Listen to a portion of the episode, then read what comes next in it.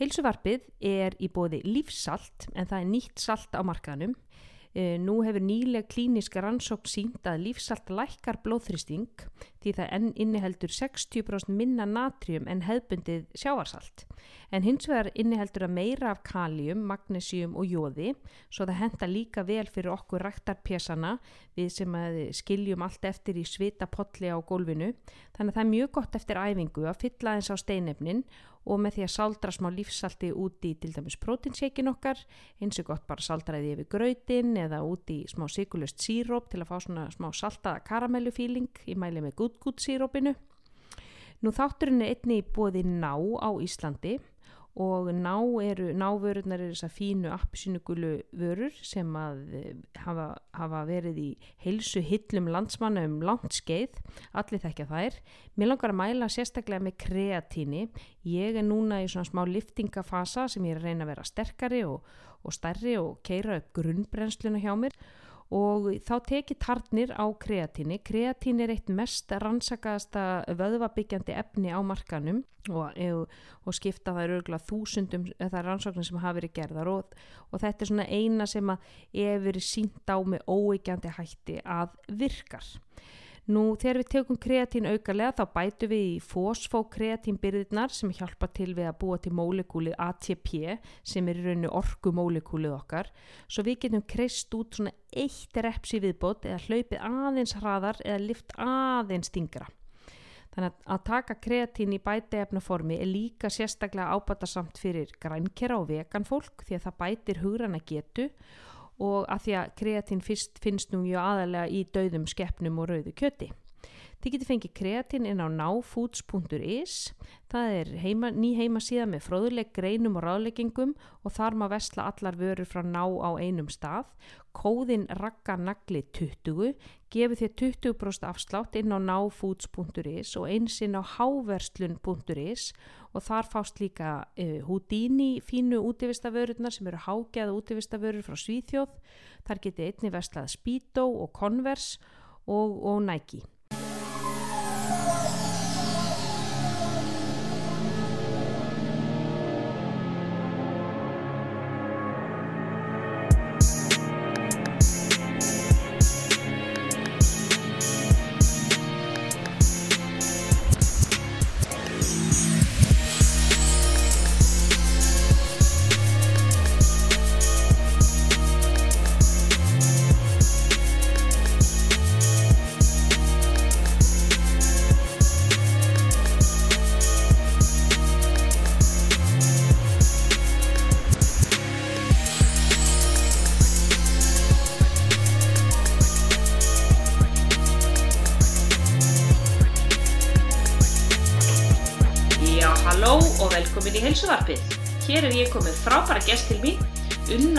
Unnarsson.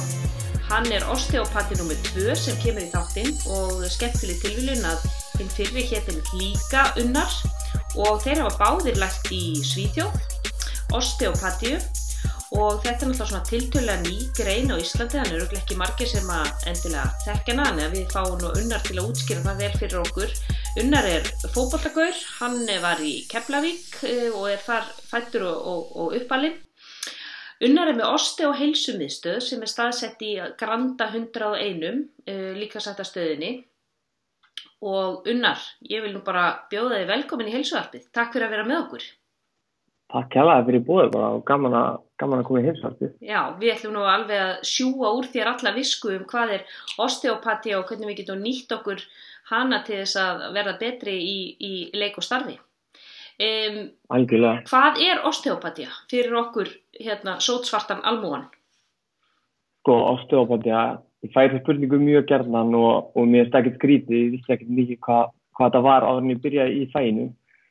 En ég lýsi oft fæinu eins og, þetta er oft eins og blanda af kýropraktík, sjúkarþálfun og svona aðeins af hérna bækningalækni það er svona einfæld útskýring en hérna við erum með það heildrænu nálgun á líkamann og sem týðir það að við skoðum ekki engungu verkinn sjálfan sem fólki kemur inn með. Við tökum inn í reikningin allt sem kemur að heilsun, við tökum inn svefnin, næringu, andlega og líkamlega heilsu líkansbeitingu í vinnu og líkanstöðu þannig að það er ímislegt sem við skoðum og, og sjúkrasaðan sem við tökum í fyrsta tíma hún er, hún er ótrúlega djúb og, og mikil og við viljum algjörlega, við viljum reyna að kynast kúnanum eins og við getum og svona aðeins, aðeins fá hann til að opna sig fyrir okkur þannig að við svona áttum okkur á aðstæðum og svona í, í þeirra lífi sko. Mm -hmm. Þannig að þér að taka þetta eins og þið talið um holistic view um, og þannig að þér að taka alla þessa einmitt, líkansbeitingu, streitu, svefn, lífstíl, mataræði, þú veist, þetta verður allt saman áhrif á hvernig við beitum okkur og hvað getur verið að útskýra verkin og, og, og það sem að fólk er að glýma við.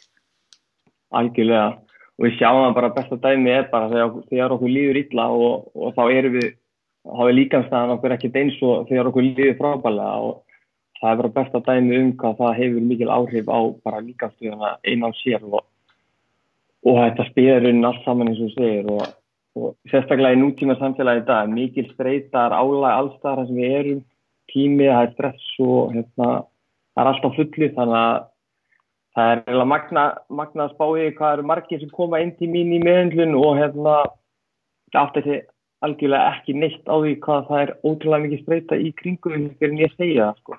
Já, maður þarf ofta að skoða niður í kjölinn sko, Hva, hvað er að gerast, hvað er að gerast, ég, ég er bara góður sko, já ok, já. Hvern, hvernig er sefnin hjá þér? Já, svona 5-6 tímar, já ok, hvernig er mataræðið, það er alveg í tóilettinu og hvað er að gerast í lífinu, já barnið er lagt í einhelti og mamma er veik og já ok og það er ekkit stress, nei, nei ekkit stress.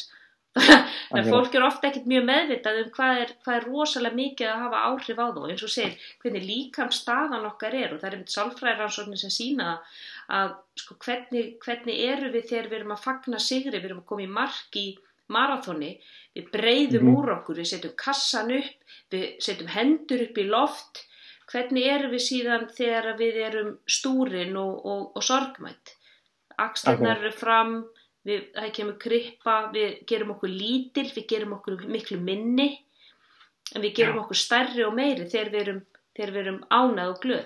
Þannig að þegar við gerum, gerum okkur minni þá ætlum við að setja krippa bakið og mjóbakið og við, svo erum við þessari stöðu kannski í 7-8 tíma dag. Akkurat.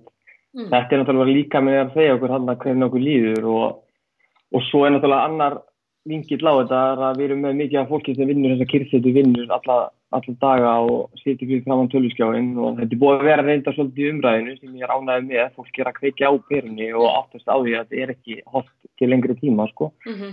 en það sem ég finnst gott að gera til dæmis fyrir þetta fólk sem sýtur allan tíma dags að hérna, ég reyni personlega fyrir mína kuna að ég bý til reyðir útsinni fyrir þá mm -hmm sem er algjörlega miðað eftir þeim og ég reyni að tengja þetta hreyfir útinu við eitthvað sem við gera eins og kaffibotla, það flestið taka þrjá fjóra kaffibotla á dag í vinnunni mm -hmm. og tengi þessar hreyfir útinu við kaffibotlan og, og þau gera þessar hreyfir útinu áður en þau fara í kaffibotlan og fara svo aftur að, að skrifborinu sko. Á, það er mjög Hvernig, já, lítur, hvernig lítur þessi útinu út?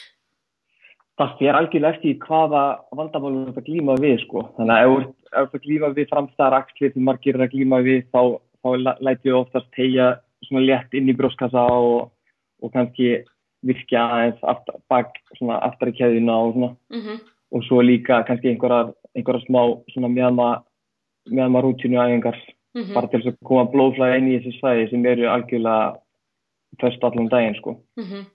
og þetta, þú þarna ættu kannski að ná fram 3-4 mínútum fyrir kaffebóllan fjóru sem á dag þá eru við komin í góða 16 mínundur sem er bara frábært yfir daginn sko. Og þetta eru svona mobility æfingar, svona flexibility æfingar sem fólk er að gera, þarf ekki að vera með eitthvað búnað? Nei, algjörlega engan búnað, þetta er bara eitthvað sem við finnum út úr í sammenningu og, og þetta getur verið, þetta getur verið hérna, mobility æfingar og svo gefið stundum líka svona léttar styrtar æfingar eða við vil fá einhverja struktúra til að virka betur eða einfallega bara til þess að, til þess að virka yfir höfuð. Já og er fólk að sinna þessu, er fólk að halda sér við þetta? Já, fólk er að sinna þessu miklu betur þegar ég tengi þetta við eitthvað svona eins og einhvern vana sko. Já. Þetta... Annars er þetta að gleyma, það er bara þannig. Já, þetta er sko svona, það sem er einmitt kallað í vanafræðunum er svona akkeris, tengt þetta við eitthvað akkerishægðun. Þannig að ef ég ætla vil endilega, ef ég vil, ef ég vil eh, vera duglega að nota tannfræðin, að þá stilli ég tannþræðinum upp við hliðin á tannbustanum, þú veist, þá er ég líklegri til Akkurat. að muna það og, og þannig að þú tengir þetta við einhverju hegðun sem er þegar föst í sessi, eins og það að tannbusta sig eða fá sér kaffibollan, að þú tengir þetta við hana, þá ertu líklegri til að muna það og með tímanum þá, þá verður þessa tvær bara fasta saman. Þannig að þetta er, þetta er mjög, mjög sniðut og þú talar hérna um sko, framstæðar axlir sem er nú eitt sko, stærsta vandamál bara í nútíma samfélagi. Það er við erum að verða með framstæðar og framstæðar axlir og þeir eru mitt kallað þetta svona upper cross syndrom það sem að fólk er Akkurat. bara að verða bara einhvern veginn bara hókið af tölvu, tölvunótkun og við erum alltaf með axlirna fram að, að, að pikka í síman og skoða hann. Uh, og, Mhm. og allt og fáir sem eru með að virka þessa vöðva aftan í veist, herðablöðunum og, og eins og bara að taka bend pull-aparts, þú veist, hvaða æfingar getur fólk gert án búnaðar fyrir þetta, þetta svæði, sérst að draga herðablöðin betur saman?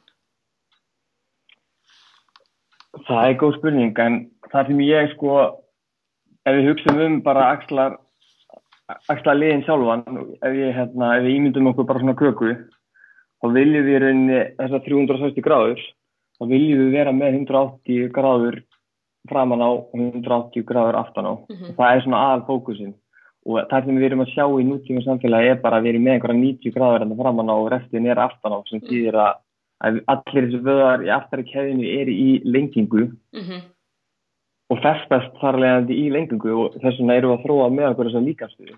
-hmm. Og það er í rauninni ekkert vit í því að fara svo í ræktina eftir 8 tíma vinnunda og fara að, hérna, að fara að vinna með þessa lungu vöða út af því að við erum bara miklu, miklu, hérna, hvað segir maður, auðvildra fyrir okkur að meiðast þegar vöðandir er í þessari stöðu, sko. Mhm, Þannig að fólk ætti að fó... skóflæði minna og allt saman, það er allt lélæra þegar vöðin er í þessari stöðu, sko. Já, og, það, og svo er líka fer fólk inn og, og gerir náttúrulega sko alþjóðlegu æfinguna af backpressu og, og axlapressu, þannig við erum alltaf að vinna sko í því áfram að, að hafa vöðvana aftan á langa og vöðvana framan á stutta í staðin fyrir farðu inn og taktu róður eða taktu, Já, já. taktu einhvers konar, þú veist, face pools eða einhverjar æfingar sem eru þá að styrkja þetta svæði og draga herðablöðin saman en við erum áfram að vinna með framari keðjuna því það er náttúrulega, jú, það sem við sjáum í speklinum.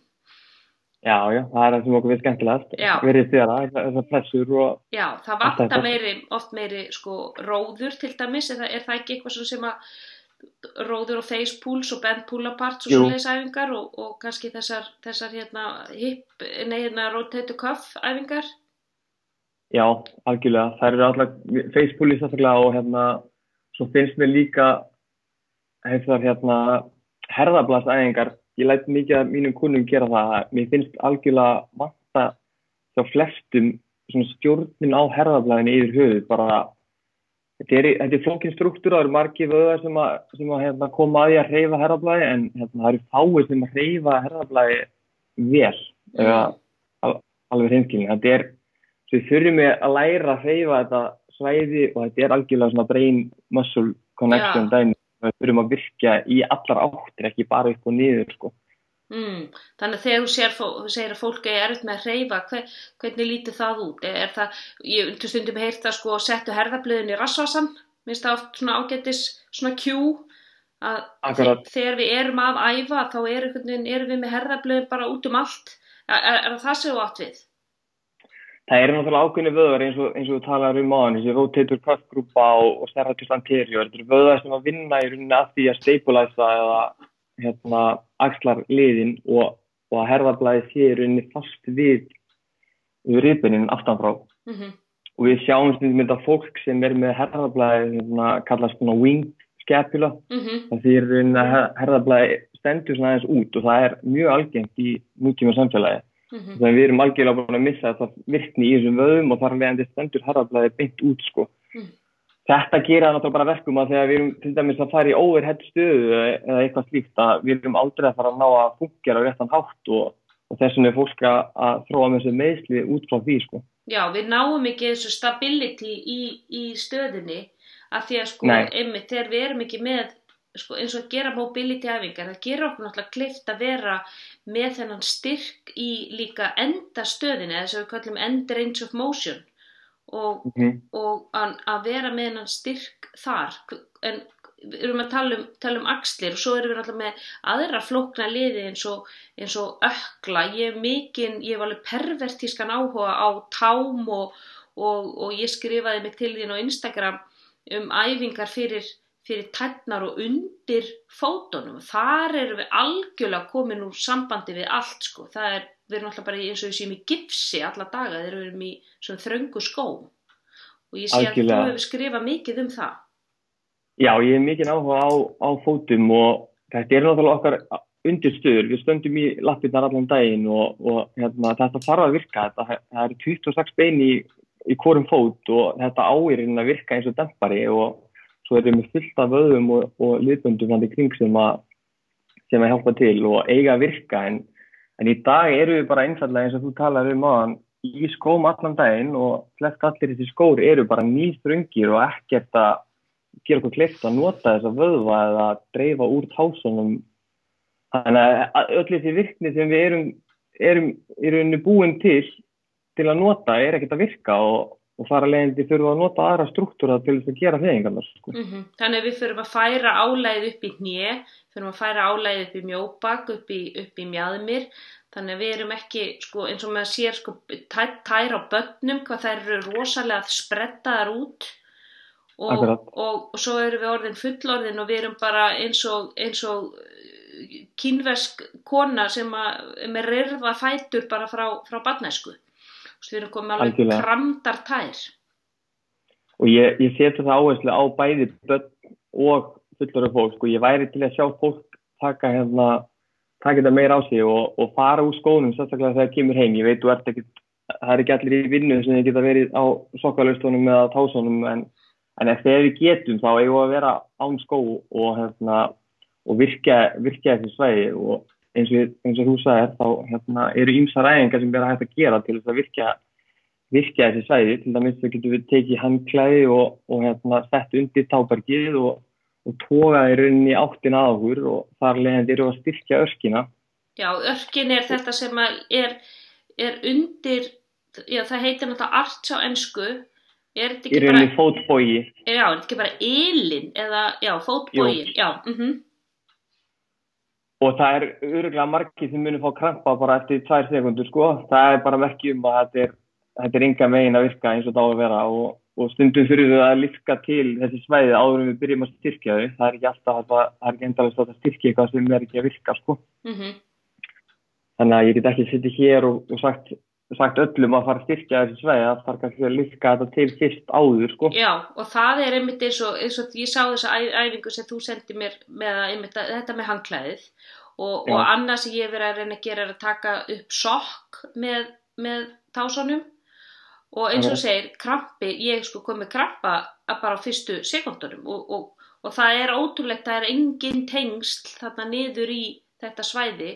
Og ég tábrotnaði fyrir einhverjum 17 ára síðan og hef aldrei einhvern veginn nota tanna rétt síðan, ég get ekki byggt hana og Akkurat. þannig að það er eitthvað vandraði þarna og sem að hafa leiða til þess að ég til dæmis nýða með fellur inn á við á þeim fæti þegar ég er að, mm -hmm. er að beigja og ég finna þess fyrir nýjenu og er, það er svo magna hvað þetta er mikil keðja og ég fer alltaf úr skónum þegar ég er að taka beigjur og þegar ég er að taka dett og reyna að virka tættar og reyna að grípa gólfið með tánum. Mælið þú með því að fólk fari úr skónum þegar það er að taka fótaæfinga til dæmis? Já, ég gera það sko. Mm. Það ert að ná miklu betri tengingu við jörðu en hérna, ég skil svo sem alveg fólk sem er í þessum skómi upphækun og það, það er aðalega út af því að fólk er ekki með hennar liðleika en Já. ég mæli það, ég myndi mæla með því miklu meira að þú myndi vinna í liðleikanum og hérna, vera með liðleikan til þess að gera beiguna á þess að vera í þessari upphækun sko. Mm. Það er miklu eðlilega sko. Já, það er eðlilega að við tökum beiguna bara á, á, á tánum eða, sko, sokkunum og ef við getum það ekki að einmitt að vinna þá í þessu mobility og, og hvernig gerum við það? Hvernig vinnum við í mobility fyrir öklana? Ertu við einhverja æfingar fyrir svona ökla mobility?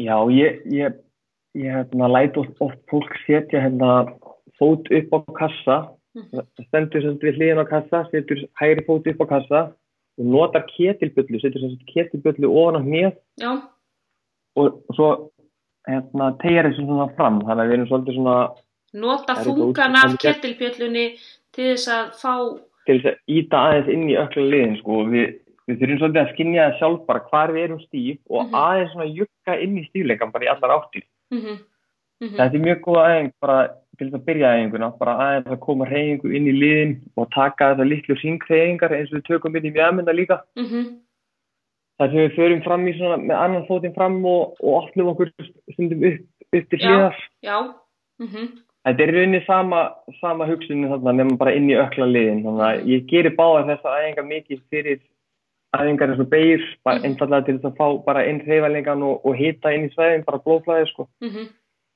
Og svo er líka mikilvægt að virkja þetta kórsvæði áður við förum inn í allar þessar æfingar til þess að, út af kórin er náttúrulega bara eins og vöðagrúpa eins og allir aðri vöðar og hann þarf að vera onn áður við förum að staði í þessar æfingar sko. mhm. Þannig að virkja, virkja miðjuna og, og, og það, er- það svæði. Ég ger það alltaf áður ég fer í, í svona æfingar. Mér, þú finnur gífulega mun á, á bara þessari hérna, stjórnum sem þú hefur á, á æfingunni Já. þegar þú ert með hann í gangi. Kveikja, kveikja þeim vöðvum til þess að þeir fara að vinna með þér í, í beigunum. Hvaða æfingar, hvaða æfingar lætur fólk taka þar? Ég er ekkert að flækja málinn eitthvað þegar kemur að þessu. Ég er bara, bara að hugsa um að, að kveikja aðeins á ég ba- bara basic hliðaplanki 30 sek á hvora hlið Mm. og beint í vennulega planka og Mhm. svo, svo kannski einhver svona aðeins flóknar æfingar sem við erum að vinna með bara hérna einhvern balans, bara ón á bolta eða eitthvað, ég nota það svolítið mikið. Já, að við erum á njám Svona ón á stóran, stórum bolta. já, svona stóran svona fysjóbolta eða svo leis. Já, Já, já. En hvað með, hvað með þú veist eins og hérna hollow rock eða eitthvað svo leis æfingar?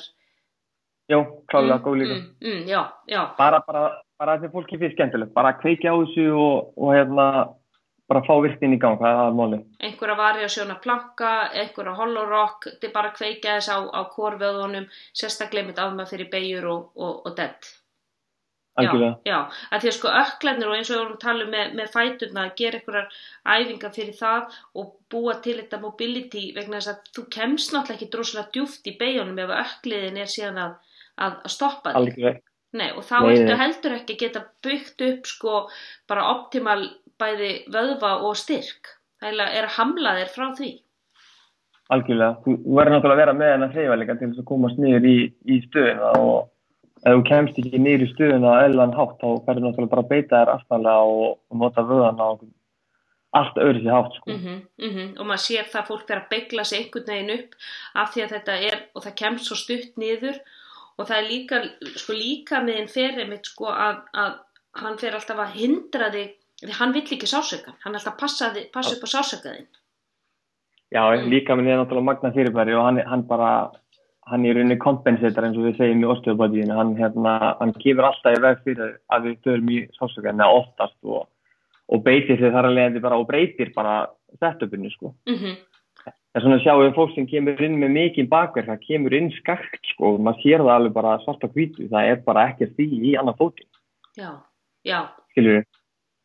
Þetta, það er, þetta er ótrúlegt hvernig hann, hvernig hann virkar og, og einmitt eins og, eins og þetta með sko tábroti hjá mér, svo fór ég til sko fóta, eins og fótaækjarafræðing sem að smíðar innlegg og ég steig upp Já. á svona kassa og hún tók mynd af Mhm. fætunum á mér og táin, þessi sem brotnaði, hún snerti ekki eins og jörðina sko, hún var bara uppi.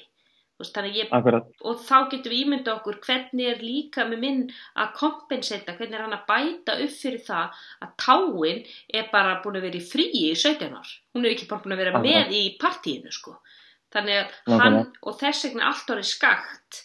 En sko hún let mig fá innlegg og, ég stundur nota þau, þú veist, þess að eh, vera að æfa og ég notaði sérstaklega þegar ég er að hlaupa. Akkurat. hver, hvert er þitt álit á svona innleggi? Við veitum náttúrulega að þau eru náttúrulega, við erum ekki að styrka eitthvað en, en þannig er hún að reyna að rétta fótinn af. Hvernig, hvert Já, er þitt álit á svona innleggjum? sko það fyrir algjör eftir af hverju ert með innlegg.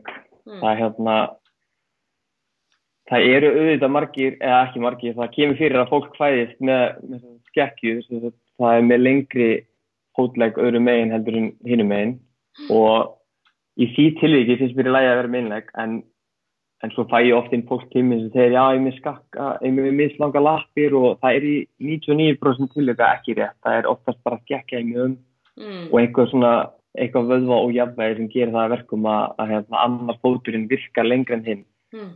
og í þeim tilvíkum myndi ég ekki vilja sjá að vera með innleg út af því að það er, það er hérna, algjörlega hægt að vinna í þessu bara áðins að nota innleg og, og það er miklu betra að tekla á þann hátt ef það er hægt sko. Mm -hmm, algjörlega, einmitt þegar, þegar það er hægt að vinna í þessu með því að virka, virka rétt að vöðva að þá um, það er miklu betra heldur en að setja bara inn innlegg sem að er í rauninni, þetta er svolítið eins og út alltaf að skalla veggin og ég læti fá hjálm það er kannski miklu Já. betra að ég hjálpi þér bara hægt að skalla veggin Akkurat, það er svolítið þannig. Og þetta er svolítið eins og að vera með spelka á hnénu. Og veist hvað- veist- alveg hvað gerist þegar þú ert með spelka á hnénu. Þá bara slöknar á öllum struktúrum sem að sem að vinna að því að halda balans í hnénu og þar að leiðandi bara vinnur spelkan verkið.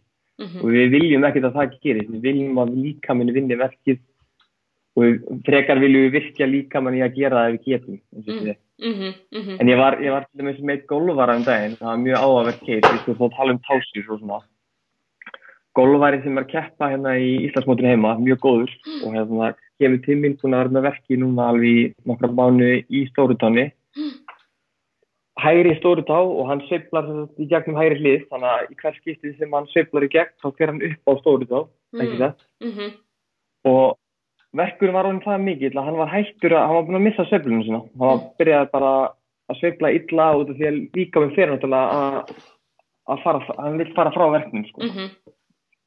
Þetta var svolítið skemmtilegt case og var, þetta var ótrúlega einfalt mál hann kom tíminn eitt tíma og hérna ég, ég áttaði mig strax á því hvað er í gangi það er svona vöðvi sem stjórnar stórutónni algjörlega mm. sem er, rauninni plantarflexor hann virkar eða svip á hérna kálváðuðanir Mm. hvar er hann? hann var alveg, hann er rauninni bara á sama stað og kálfinn nema djúpt, hann er undir, undir. Sko. Mm. Mm -hmm. Hann var algjörlega bara allt og stífur og, og bara í brasi, eins og ég segi. mm. mm. Og hann skildi ekki því að okkur ég var að poti í kálfanum á hann, ég, ég var að koma hérna inn fyrir verk í tonni, sko. Já, Það er- er er svolítið oft hann í osteopatíinu, sko, maður er að vinna eitthvað allt annars þar, sko. Já, þið, ég bara, þið finnir sérst út alveg einmitt hvar er rótin og hún er ekkit endilega í tanni sko, eða í akkurat það sem að þú ert með verkin. Algjörlega ekki, og það er það sem ég finnst skemmtilegast við osteopatíina, við erum, við erum alltaf að leita rótinu og við viljum finna rótina þó að þó við getum alltaf, við getum alltaf pressa á verkinu hann mun minka daginn eftir sko, en Mm hann kemur aftur svo einhver setna áttast sko. Já, En í þessu tilíki losaði ég bara einfallega um hennan eina vöðva og svona, vann aðeins í að liska á honum öklan bara. mm Og hann spilaði þarna viku setna í Íslandsmótinu og bara stóð sér þræl vel og engin verkur síðan. Og hefur ekki fundið fyrir verk síðan. Ja, ekki neitt. Nei, að þetta er, þetta er svona skemmtilegt dæmi um hvað þetta er ekki alltaf spurningu um bara verk og stað sko. nei, nei, líka minn er alltaf bara einn keðja og þetta virkar. Og ég er mjög svipaða sögu, ég, fyrir mörgum ára þá fekk ég svona hlauparanni og, og ég var hægt að geta hlaupi, ég var bara búin að alveg að dreppast, ég var búin að fara til einhvers, ég var búin að fara til bæklunalæknis og ég var búin að fara til nuttara og ég veit ekki hvað og hvað. Og segi pappi, heyrðu, ég tekki hérna kall hérna, hann er rosa sniður, hérna farið til hans hann er með einhverja svona smá aðstöðu í einhverju geimslu í stóra gerði og þetta var allt svona mjög dodgy eitthvað. Og ég fer til hans og hann snert ekki á mig nýð hann bara hamaðist eitthvað undir ylinni það hann lært sko í, í hérna í Japan svona svæðanutt. Og ég lappa út frá hann aldrei fundið fyrir þessum verk síðan. Og þetta eru sko hátt í 20 ár síðan. Hann, Nákvæmlega. já, þannig að þetta er svo me- magnað einhvern veginn hvernig, hvernig þetta hangir allt saman. En hvernig er með mjadmir til dæmis? Nú er náttúrulega, þú veist, er, eru margir sem glíma einmitt við mjadmavesen og, og ég meina sérstaklega við konur og maður finnur það, þú veist, ég er orðin yfir færtugt og ég þarf alveg að opna þetta alltaf vel á mér mjadmynda til dæmis fyrir æfingar og, og, og gera svona mikið hip mobility. Hvaða æfingar ert þú með svona í, upp í erminni fyrir, fyrir, fyrir fólk? Sko ég legg mikla áherslu á mjögma svona rútínu hjá mínu fólki og sérstaklega mínu íþróttafólki sko. Mm og einfallega vegna þess að mjögmyndar er það stór liður að hérna ef að mjögmyndar er ekki að fungera þá er mjóbakið og allir þessi hérna SC jointin hérna sikkur megin sem er sacroiliac joint þá er þessi liðir að taka allt og mikla hreyfingu upp, upp frá mjögmónum og er í raunin að kompensata fyrir þennan lélega mjögma hreyfanleika sko. Já, já, þannig að lélegt, léleg, lélegt mobility í mjöðmónum, það er ofta valda mjóbaksvandræðum. Alveg mjög oft sko Já, og já. þetta er, ég er að sjá þetta mjög, sérstaklega hjá fótballtastrákum, þeir eru oftast ótrúlega dominant, hérna, svona quad dominant, eins og maður segir, sterkir, rosa sterkir framan á lærum Já, og stífir og hérna, eru kannski alveg með aftan á læri og, og fínan rass en hann er ekkert að virka á þetta því að möðminn er í, er í þeirri stöðu eins og við töluðum um aðan með axlunar að hérna, ég horfi nákvæmlega eins á mjöðminnar og axlunar, þetta er bara ein kaka.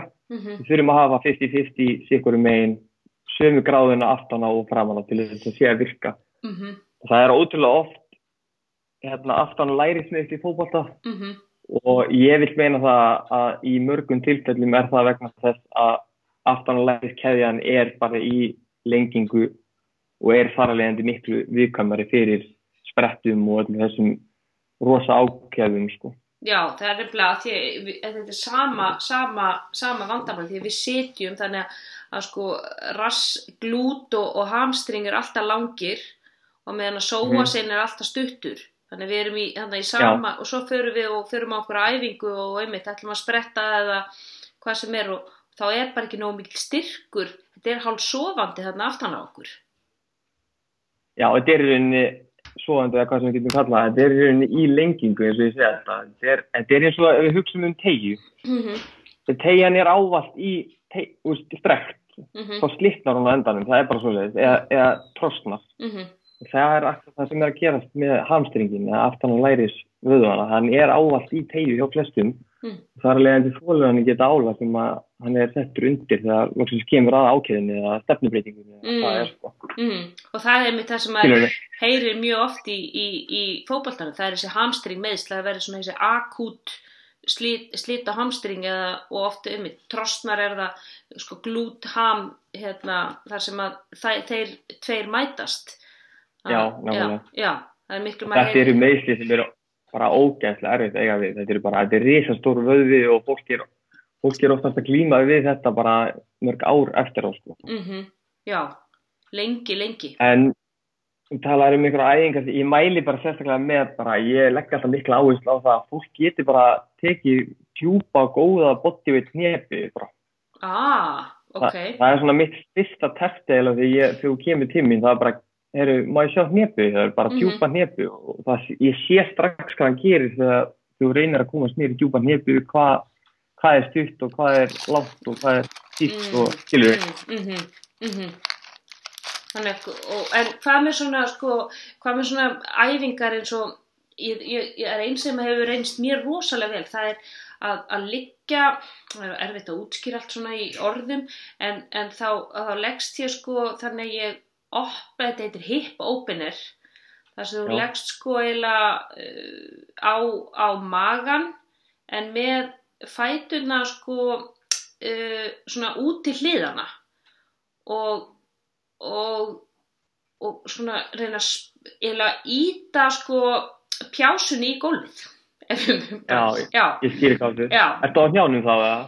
nei, ég er sko ertu á, ég er á, ma ég er á maganum og, og fætunir Ok. eru sko eiginlega ekki sko í spíkatstöðu heldur þeir eru, eru sko, ég eru svona eins og, og krabbi og, og svo Já, já. sérst eru, eru hendurna fyrir fram að mig og ég er einu svona að jugga mér eins mikið aftur og bak og ég get og þetta það er bara eins og þessi að vera að slíta í sundur á manni náran sko Já, já, það- ég veit hvað. ég- þessi finnst mér rosalega góð fyrir, ég sá þessi einhvers staðar í, hjá, hérna, í cro- crossfit Já, þessi er Mm. góð líka og hérna, ég tek líka oft þess að 90-90 sem hún kallast hérna, þá ertu í Já. rauninni situr og, og veist hvað það er, setur í hérna lagt það svona út í 90 gráður og svona rúlar á milli hliða, sko. mhm Það er mjög góð aðeins og, og sofa stretch líka, ég nota hana mikið, sofa teguna. Já, fyrir framan, framalæri. Já, Já. ég reyna að láta þetta fótbollstráka að taka það daglega, bara Mm og spenna rassin líka, það er oftast, oftast er bara mjög, mjög minn í þeirri stuðu að þeir get ekki sem nota rassvöðvan, sko. Þeir Nei. bara, þeir ná ekki að spenna rassin út af því að þetta er allt svo stíft og rassin færi ekki það svígurum sem hann þarf sko. Nei og það eru mjög margir sem að sé sem eru bara ekki tengslum við rassveðuna hjá sér og þeir eru ekki, það vantar þetta mind-muscle connection í rassveðuna og að taka einmitt bara einfalda svona bodyweight bara rassabrú, bara glute bridge, svo bara liggur á gólfinu á bakinu og svo bara ferðu upp og spennir og bara halda sko spennun í gegn. Það er svo ótrúlega margir sem byrja bara að nota, þeir byrja bara að nota hamstringin eða þeir fara einhvern veginn að skjóta sér upp en að bara virka þessa vöðva einmitt eins og talar um kórið á þann að virka þessa rassvöðva áður en maður fer inn í beigurnar bara til þess að kveikja á Já, það klálega sko. mm, mm, Rassvöðin er öruglega bara einn svona vöði sem bara er líklega óvirkastur af öllum hjá fólki sem er bara algjör synd. Þetta er bara einhver sterkasti vöði sem líka minn hefur og, og náttúrulega ef þú sýtur allan daginn og notar hann ekki þá bara tapar hann sko. Það er bara þannig. Bara if you don't use it, you lose it. Það Já, er það er nú bara þannig einmitt eins og segja, þetta er sterkasti vöðun þetta er stærsti vöðun okkar líka þannig að Og hann er bara líka bara útrúlega mikilvæg þegar kemur að stability kringum mjamarsvæðið og allt þetta. Er bara, hann er ekki bara sterkur í æfingum sko. Hann er þykala mikilvægur upp á að balansera bara mjamindar þegar við göngum og hlaupum og svona sko. mm hvaða styrtaræfingu mælið þú með fyrir, fyrir rassi ég verið að taka mikið svona hip thrust þar sem að, þú sko, með stöngina á, á mjöðmónum og, og er með herðablöðin svona lekandi niður á bekk. Já, Mér hún er góð hún er mjög góð. Svo nota ég mjög mikið svona litla ræðingar. Ég er hrifin að litlu tegjónum sem maður setur um öklana mm og hérna bara lappar jafnvel til hlýðar bara tíu skrif til hægri, tíu til vinstri. Og hérna mér finnst það ótrúlega góð aðeins sérstaklega þegar fólki er svona að koma sér á stað sko. já, það er svona fyrir glút met er það ekki svona meira, meira Jú. já, mm en mér finnst gott að vera bæði með öklana beina og innskefa og útskefa það er, það er ah, það, þú ert í raun að vinna öllum fæturanum í vöðanum og þú mynd finna mikið mun á, á þessum breytingum á, á öklanum sko. þannig að taka svona æfingu og lappa til hliðar, tíu skrif til hliðar, tíu skrif til hægri, tíu skrif til vinstri, verandi innskefur, verandi útskefur og vera bara með venjulega stöðu. Já, Já, það er bara ég mæli með að fólk prófi það og, og finni muni, það er þvílíku muni sem er það á milli og, og svo getur fólk líka sett teginu utan um öklan og fari bara í rauninni með aftari fótinn beint út mhm, þá er það í rauninni að virka glútmaks stóra vöðan okkar mhm, já. En, það en, er, það er fínt. en þegar fólk er að taka skrefin til hliðar, á það að Já. vera í, með fætur í 90 gráðum eða á það að vera bara í venjulegri stöðu? Á að vera í hnébegi stöðu eða bara standa Nei, við viljum bara, við viljum bara vera með smá sveigja og njám, bara mjög litla Mm, og við viljum fókusa að halda öklunum bara algjörlega beinum, við viljum ekki lifta þeim upp, upp til hliðar neitt, við mhm, viljum halda öklunum, alveg beinum og helst lifta þeim bara örlítið frá jörðinni. mm, mm. Og þetta er gott Þannig þess að við byrjaðum að nota eitthvað allt annað. Hvað ertu þá farin að nota? Hvað ertu þá farin að, hvað, hvernig er líka með þá farin að kompensata? Þegar við byrjaðum til þess að lifta upp hérna, hérna öklunum upp, upp að hérna, hvað segir maður, til hliðar ekki átt að miðju heldur út, þá ertu byrjað að nota allt að- aðra vöða eins og fíkularis og það er svona litlir vöðar hérna framann í fótlegg sem að, Mm, mm, verða stífir auðvitað. Já, Þannig að við viljum ekkert vera að nota þá of mikið heldur. mhm, mhm. Þannig eru þetta allt æfingar sem að þú lætur þína skjólstæðinga gera, þína íþróttamenn og þú ert líka bara með hinn venjulega Jón og Gunnu bara af, af, af skrifstofinni sem eru í, í, í crossfit bara klukkutíma dag. Þú, þú ert með alls konar fólk hjá þér sem kemur á bekkinu, það ekki? Alls konar.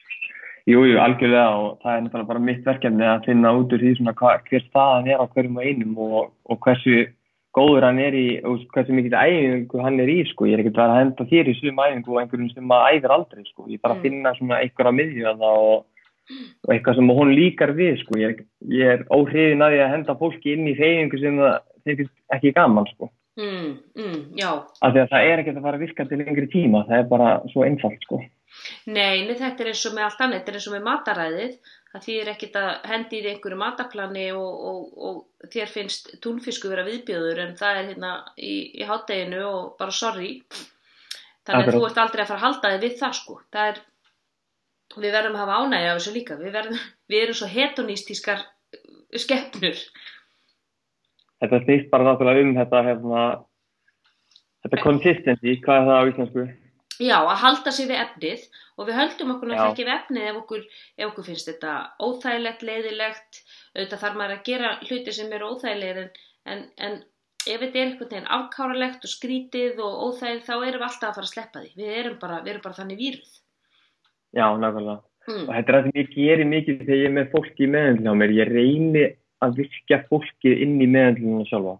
Mm Það er ekki bara að mæta til mín og ég er ekkert að fara að það bara á staðinum. Það gerist auðvitað, jú, á og til, en þú ert að koma tími með eitthvað krónist vandamál eða langvarandi vandamál, þá þarf það að hjálpa mér við það og við þurfum að vinna að þessu saman og það er það sem ég segi strax við fólki fyrsta tíma og bara, herru, þetta er staðan, þetta er það sem við þurfum að bæta og ég verða að fá því með mér í það til að vinna í þessu heima og ef fólk vill virkilega vinna hann verk eða hérna, að laga vandamáli þá, þá sinnir það þessum æfingum eða -hmm.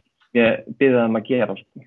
Já, þannig að það fá allir heimavinnu sem þið þurfa að sinna því að þitt, þitt takmark er ekkit endilega að hafa fólk hjá þér sem lengst. Þú vilt, þú ert svona, vilt helst hafa það sem styrst og það sé bara lægi sig og, og geti haldið áfram í lífið. Já, algjörlega. Við erum í rauninni, osteopatía snýst náttúrulega bara um það að við erum í rauninni að koma líkamannum í, í það ástand að, það, að líkamann geti byggt sig upp aftur sjálfur. Við erum bara að hjálpa honum í áttina að því og við viljum auðvitað losna við kunnan okkar og þá er ég ekkert að segja til leil, við viljum auðvitað að hann geti unnið í þessu sjálfur og hann fyrir ekki að vera konstant hjá okkur vikulega. Nei. En það koma náttúrulega líka inn kunnar sem að eru bara meðvitaður um það að þeir eru í erfiðisvinnu, Mm -hmm. Eru bara með mikla streytu í gangi og, og, hérna, og eru meðvitaður um það og koma þess vegna í meðvindlu vikulega. Ég er alveg með þann kunna líka hjá mér Mm -hmm. og það er náttúrulega allt öðru því fókus þar sko og þar erum við í rauninni bara að vinna að, að þessu svona maintenance, bara halda honum við sko, halda honum gangandi. Mhm. Þannig að þú fær til því bæði fólk sem er að stunda íþróttir, fólk sem er að stunda bara svona þessa hefbundu líkasækt, þú fær til því fólk sem er kannski í einmitt álagsvinnu, er í mikið, mikið til líkamlegri vinnu. Hvað er svona algengasta sem þú sérð meðal bara fólks sem er að yfka líkamsrækt, bara svona þessi típiski sem fer í klukkutíma crossfit-æfinguna á mótnana og mæti svo í vinnuna? Hvað, hvað er það, hvað er algengustu meðsli, algeng, algengustu, algengasta vesenið sem þú sérð hjá þeim hópi? Það eru örgulega bakmeðslinn eins og oftast sko.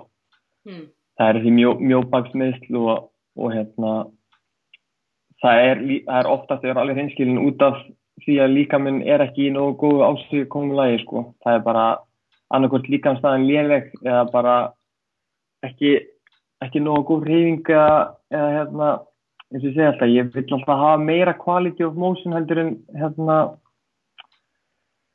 heldur en styrk inn í mínum æfingaplönum sko og ég held að það sé svona það sem fólk er að brenna sér mest á, það er að fara í allt og, allt og mikla þingdir og frætt Mm. Mm. það er ekkert, það er ekki nóg að vera bara sterkastur og vera að ná deadlift í 150 en þú verður líka að geta að stjórna þessum æfingum og nýtt vöðan á þann hátt sko, þú verður að geta hreift lóð annað en bara upp og niður að mínum mati sko. Mm -hmm, Og það er einmitt þó þú dettir 150 en liftandinn þarf að vera falleg og ef hún er, Já, já, það- ef þú ert bara að þjösna þessu einhvern veginn upp svaka kall í krabbinu en, en, en það kemur að því að einmitt líka minn gefur bara löngutöng sko þannig að það vart ekki að lifta neinu sko Nei, það er bara þannig. Það er það sem ég finnst skemmtilegt. Ég er náttúrulega nýbyrjaðir inn á Granda hann 101. mm -hmm.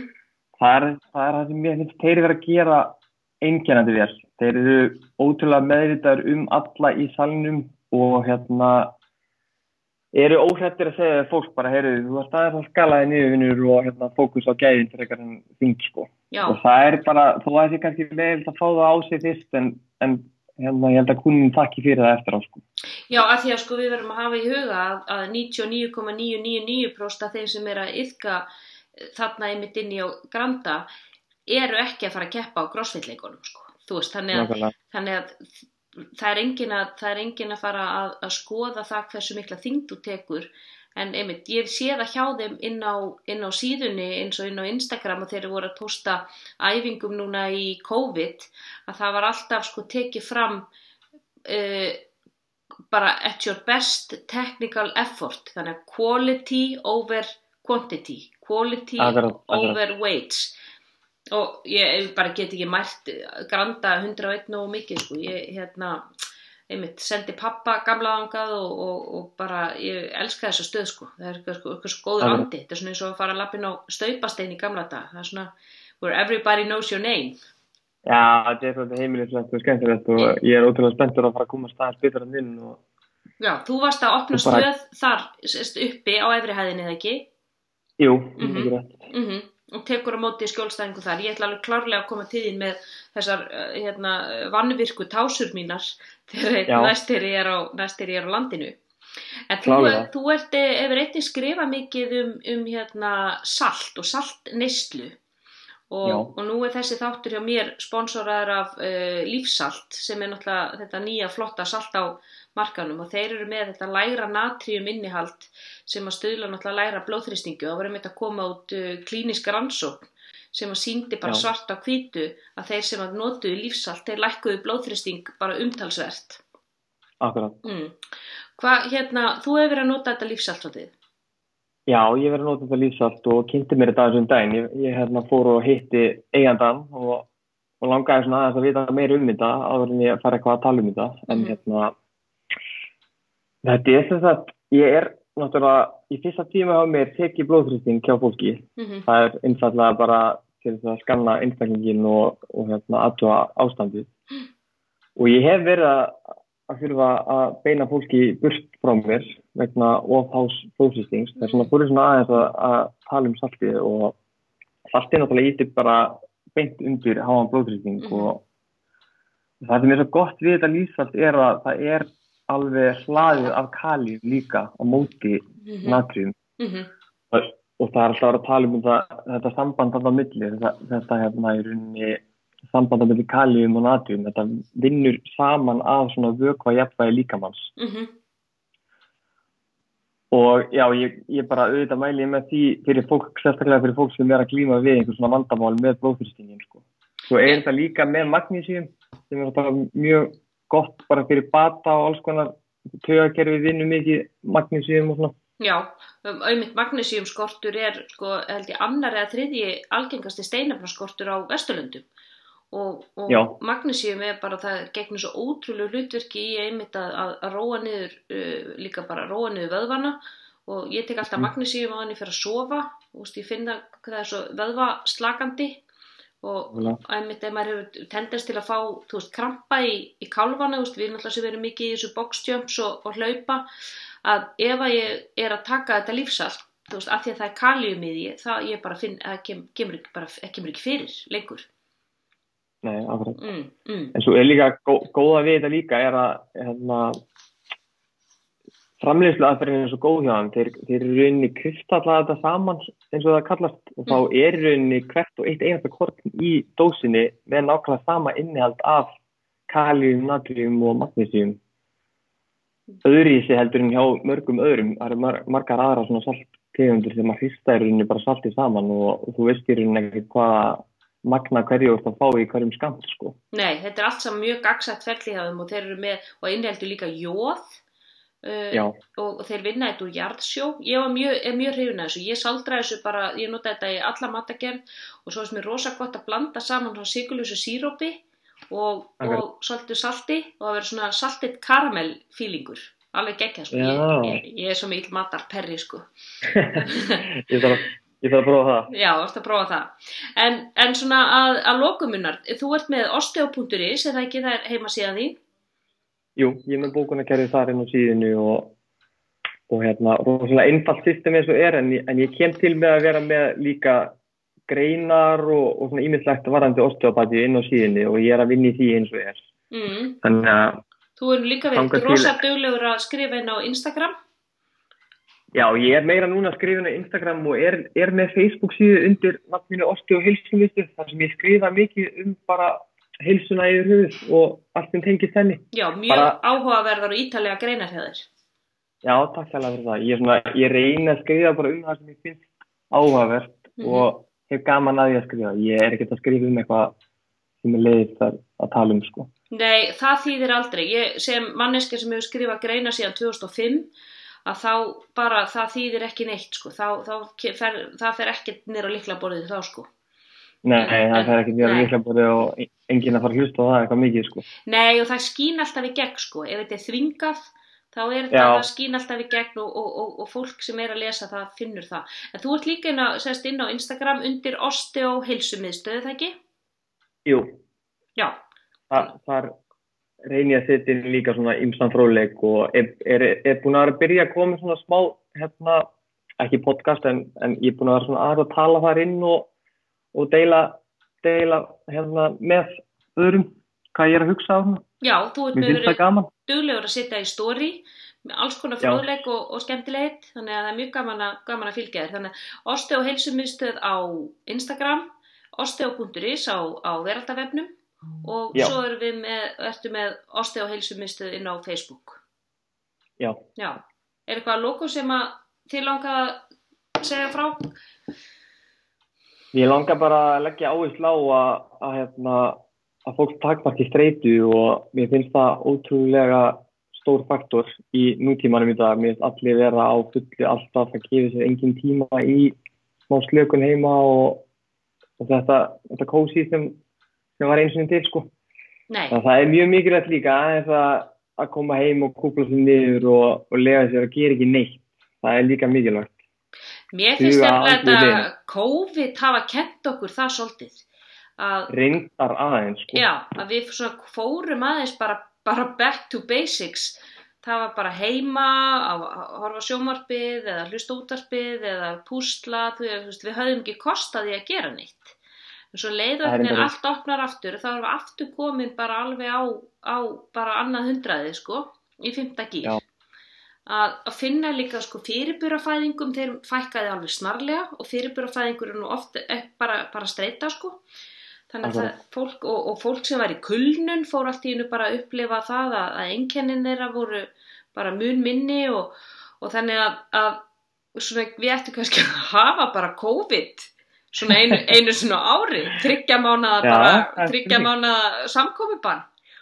Já, Já, en nei, þetta, kent okkur ímislegt og, það gerir, og gerir það. hérna, En mér langar líka einmitt kannski að lokum að segja fólki að, að, að fara úr skónum. Bara, já, já og, Bara ég hef verið með klálega. stundum með hashtag inn á, á mínu stóri hérna uh, hashtag shoes off bara að, að reyna veist, að vera meira á, á sokkunum eða tásunum veist, í, í ræktinni að, að þegar við erum að taka beigjur eða hvað við fáum bara betri hjartengingu betri stöðu á mænuna og bara í vinnunni og, og svona reyna að fara þá úr sokkunum og spretta á tennar svona eins og litlu börnin og, og, og ég veit Já. að þú hefur talað um það líka vera ekki að tróða börnum og mikið í skó þegar þeir eru að byrja að læra að lappa Já, mér langar aðeins að koma inn á það með endan að, að hérna, ég mikið áhuga á unga bönnum og hérna, sé það gertan að fólk er að tróða þeim í skó hana bara fyrstu mánuðum og árum og þetta er eitthvað sem ég vil ekki sjá. Ég vil bara sjá barnið sérstaklega þegar að byrja að ganga að, að það sé bara á tónslunum og, og það er ótrúlega gott að fái aðeins að fá, fara í sandin og grasið líka og til þess að það upplýði öðris í skinnin undir fótunum og og þá læri það svona aðeins að, að beita sér á sinn hátt sko. Þetta er allt bara ferli sem á að gerast á sjálfum sér og við þurfum að hætta að setja, þetta er rauninni bara bargir eða bara svona lag sem við setjum fyrir þeirra skinnjun þegar við setjum þessi börn í skó. Það er bara svona þess. Mm -hmm.